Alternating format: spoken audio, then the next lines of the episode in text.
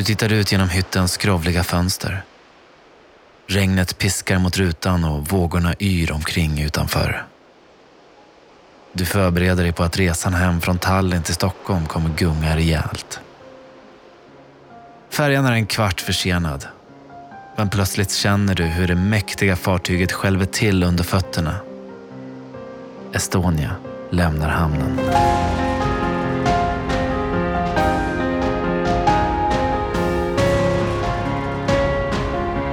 Om det var du, en podcast av Erik Myrlund. Manus är baserad på faktiska och tidsenliga detaljer samt vittnesberättelser, men fiktiv i den bemärkelse att du själv blir huvudperson i en av historiens mest omskakande händelser. Syftet med detta sätt att berätta på är att komma nära det ofattbara och försöka sätta sig in i det mörker som våra medmänniskor har fått uppleva genom historien. Men framför allt att aldrig glömma deras öde. Manus av Josefin Måhlén. Originalmusik och ljudläggning av Kristoffer Folin. Du tar en dusch, byter om och tar trapporna upp till restaurang Poseidon som serverar ett mastigt smörgåsbord. Det har redan börjat skymma ute och färjan beräknas vara framme klockan tio nästkommande dag.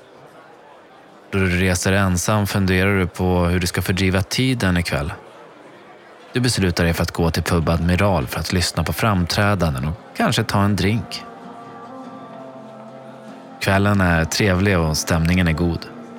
Människor umgås, skrattar och dansar.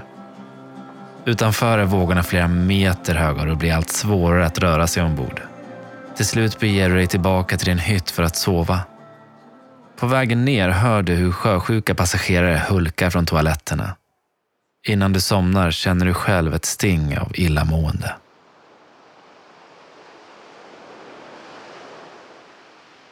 Plötsligt vaknar du till av en rejäl smäll. Vad nu? Har vi gått på grund? Men det becksvarta mörker utanför fönstret tyder på att fartyget fortfarande är på Östersjöns djupa hav. Innan du fått grepp om vad som händer hör en smäll till. Ni måste ha träffats av en väldigt kraftig våg för i takt med den metalliska dån som verkar komma från fören vickar hela fartyget till. Du hör hur folk ramlar omkull utanför och hur glas faller till marken och krossas. Allt gungande har gjort att det nästan vänder sig i magen på dig och du blundar hårt för att inte spy. Du somnar till slut om, men det dröjer inte länge förrän du vaknar igen. Denna gång är det inte en smäll som har väckt dig. Det är någonting annat.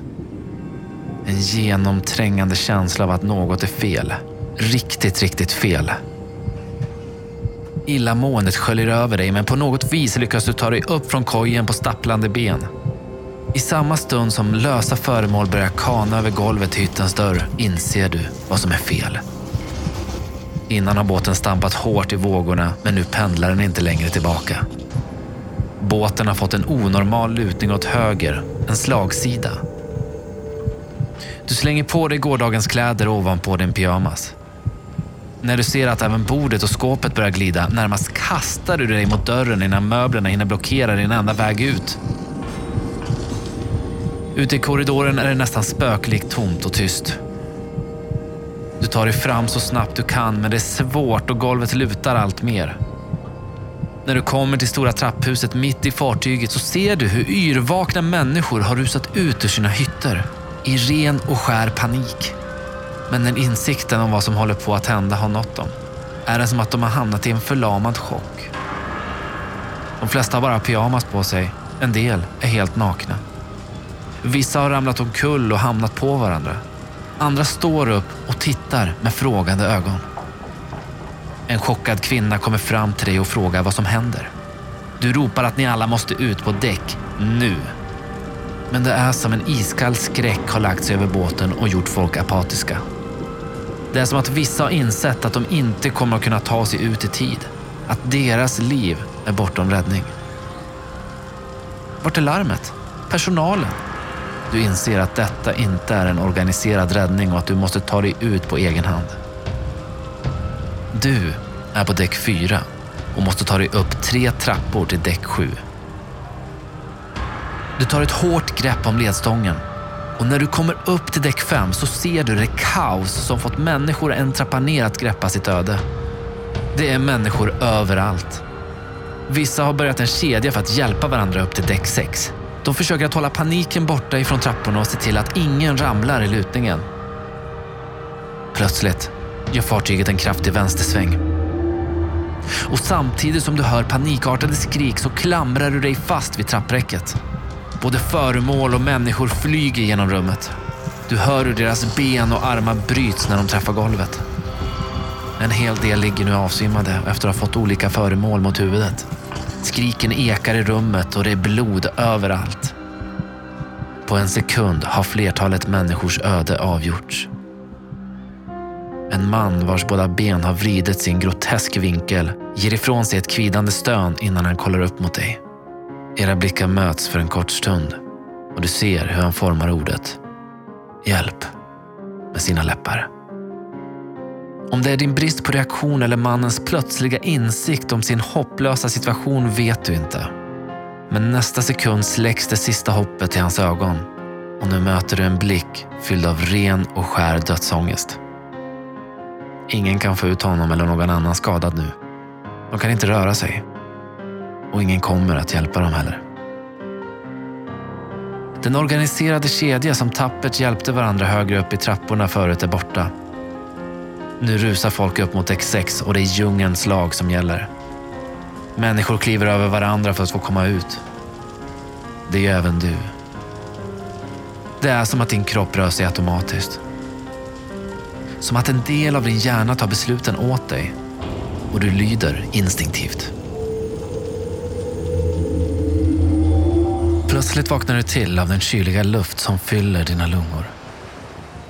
Du känner dig omtumlad och förvirrad och vet varken hur du kom ut på däck eller vad det är som händer.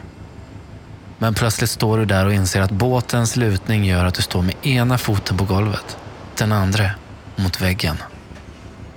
Det är då minnet återvänder och du förstår att den jättelika färjan Estonia håller på att kapsejsa. Trots att det kryllar av människor ute på däck anar du att det är långt ifrån alla som har lyckats ta sig ut. Du förmodar att det finns flera hundra, ja kanske uppemot tusen människor ombord. De flesta nog kvar i sina hytter, där möbler och andra bråten har blockerat vägen ut. Någon räcker dig en flytväst och uppmanar dig att sätta på den noggrant. Du gör som du blir tillsagd och under tiden hör du folk som ropar att man inte ska hoppa i vattnet. Inte än. Man ska vänta så länge det går. Havsvindarna för med sig små isiga vattendroppar upp som svider mot din kind. Du fryser rejält nu. Ändå är detta ingenting mot iskalla vatten som du snart kommer att tvingas ner i. Längre bort på däck försöker folk vincha ner livbåtar, men lutningen gör att det inte går att sjösätta. Uppblåsbara livflottar blåser iväg och passagerare kämpar febrilt med att få upp nya ur sina behållare. Människor är överallt och mitt i din panikartade situation som du hamnat i förbryllas du över hur människor kan reagera så olika. Medan de flesta kämpar tillsammans utnyttjar vissa situationen och passar på att plundra folk på deras tillhörigheter. En annan har tänt en cigarett och iakttar kaoset framför sig. Lutningen har blivit så kraftig att folk börjar klättra över relingen. Nu är det alltså lättare att vara på fartygets sida än på däck. När du själv har kämpat dig över hör du skriket från en kvinna som inte klarade sig. Hon tappade greppet om relingen och faller nu handlöst ner i mörkret på andra sidan. Plötsligt bryter månskenet igenom och du ser människor gå omkring på fartygets sida precis som på en stor fotbollsplan. Längre bort piskar vågorna och du ser det svarta djup du snart kommer tvingas möta. När du går över hyttfönster drabbas du plötsligt av en svindlande overklighetskänsla. Det här händer inte. Det här kan inte vara på riktigt. När du gått över det välta skrovet och kommer fram till kölen på båten sätter du dig ner. Du tar så många djupa andetag du hinner innan du glider ner mot vågorna. Det är som en stöt genom kroppen när den första vågen sköljer över dig och drar ner dig i djupet. När du försöker simma upp till ytan känner du att någonting har fastnat runt din högra fot. Den besinningslösa skräck du upplever får tiden att stanna. Ditt hjärta slår hårt under flytvästen som smärtsamt pressas mot din kropp. Trycket över bröstet och din höga puls gör att du inte kommer att kunna hålla andan så länge till. Du måste få syre snart. Desto djupare du dras ner i det kalla mörkret, desto starkare blir känslan av att du bara måste få se din familj igen. Om så bara för en sista gång. När du sedan föreställer dig dina näras tårar på din egen begravning är det som att en stor vrede exploderar i dig. Du vägrar att dö här. Det här får inte vara slutet. Därefter sker rörelserna instinktivt. Kroppen slappnar av, skräcken och kylan falnar och ett intensivt fokus tar vid. Det är som att hela ditt medvetande blir ett med fokuset. Och trots att du inte känner någon form av rädsla eller smärta är det som att du har total kontroll över din kropp. Medan en sista kraft har kickat in och gjort att din hjärna arbetar för högvarv och adrenalinet pumpar för fullt i din kropp så har du en illusion om att du har hamnat i ett lugn. Med hjälp av långsamma och noggranna rörelser med vänsterfoten lyckas du frigöra den repögla som fastnat runt höger fot. De mardrömslika sekunder under ytan har känts som en evighet. Du kan inte beskriva den fantastiska känsla som fyller hela din kropp när du kommer upp till ytan och fyller lungorna med syre. Du hyperventilerar och hostar tills din kropp kräks av utmattning. En enorm glädje och lättnad sprider sig i hela din kropp. Du lyckades ta dig upp med livets behåll. Du överlevde. Men eh, när insikten når dig om att du är mitt ute på havet i en närmast hopplös situation är det som att ångesten fäster ett nytt järngrepp i dig. Plötsligt känner du att någon greppar tag om din flytväst och drar i dig ovanifrån. Du tittar upp och ser att du hamnat bredvid en livflotte varav en man nu håller hårt i dig för att du inte ska slungas iväg i de enorma vågorna. Medan han hjälper dig upp hör du honom säga Vi klarar det här min vän. Även om ni befinner er på ett stormigt hav med vågor höga som lyktstolpar och en räddning långt bortom synhåll så finner du ändå en tröst i mannens ord. En medmänniskas förtröstansfulla ord mitt i en nattsvart verklighet. Du och mannen hjälps åt för att få upp fler människor från havet och in i livflotten. Plötsligt hör du någon säga nu måste det vara många som dör och i månens dunkla sken ser du det sista av Estonia försvinna ner i havets djup. Du förstår snabbt att en gummiflotte du hamnat på knappast innebär en överlevnadsgaranti. Det dröjer inte länge förrän taket blåser sönder och vågorna börjar skölja in. Den rejäla räddningsflotten är nu förvandlad till en omkringflytande pool. Runt flottens insida finns en tamp som ni alla krampaktigt håller er fast i. När vågorna slår över är det dock inte alla som orkar hålla sig kvar och en del spolas ut i havet. Vad var det där?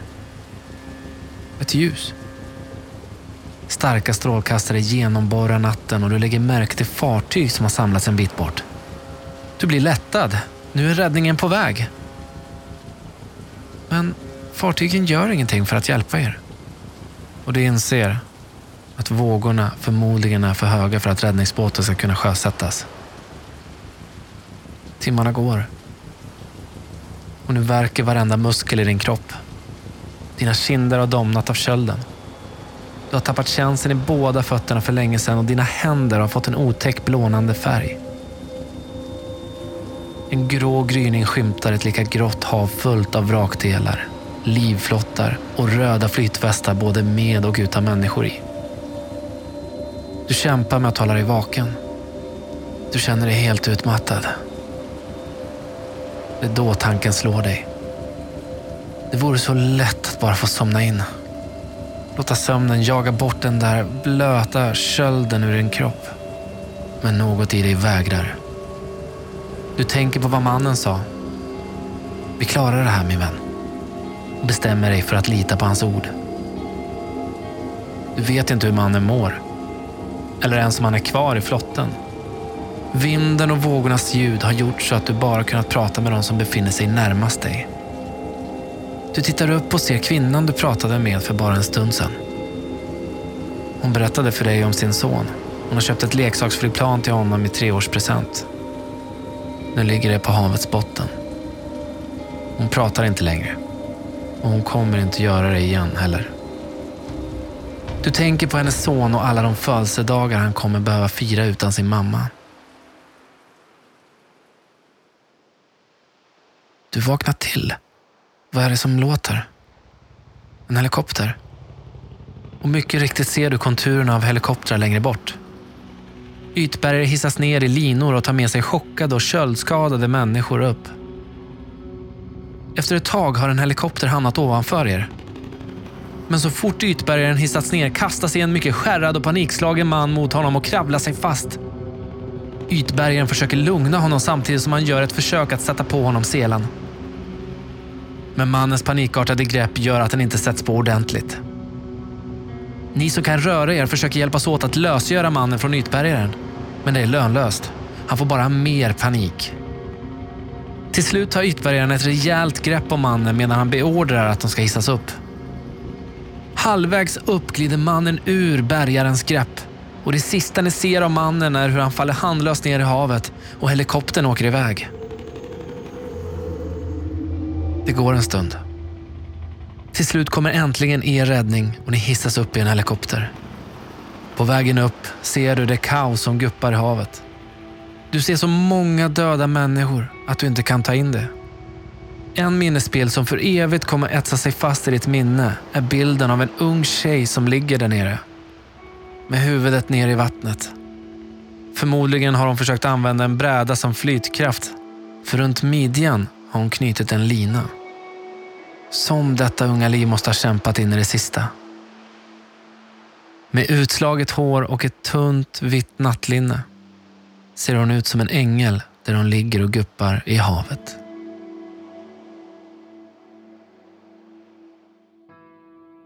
Vi vill skänka en tanke till alla de 852 människor som omkom på MS Estonia. Deras efterlevande samt de 137 som överlevde. Vissa delar av den här berättelsen är direkta beskrivningar av vittnen från olycksnatten.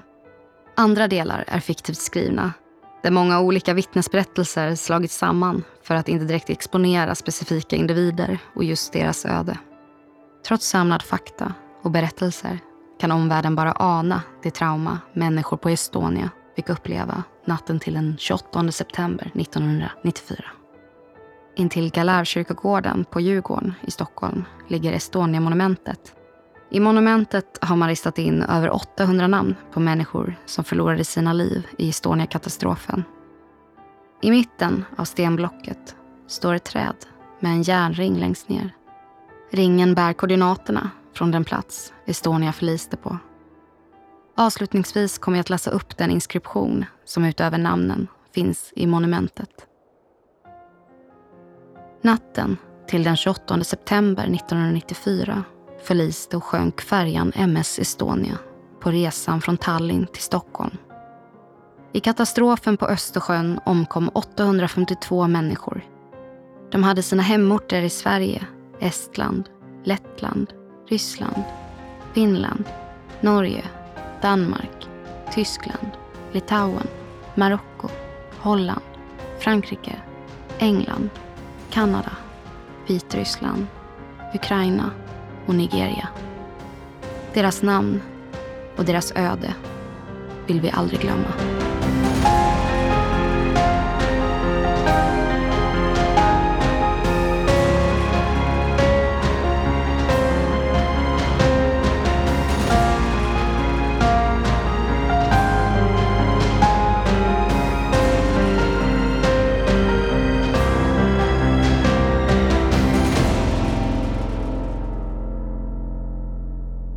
Vi blir väldigt tacksamma om du vill stötta vårt arbete med 2 dollar per avsnitt på patreon.com snedstreck om det var du. Eller om ditt företag vill köpa annonsering så kontakta Nent.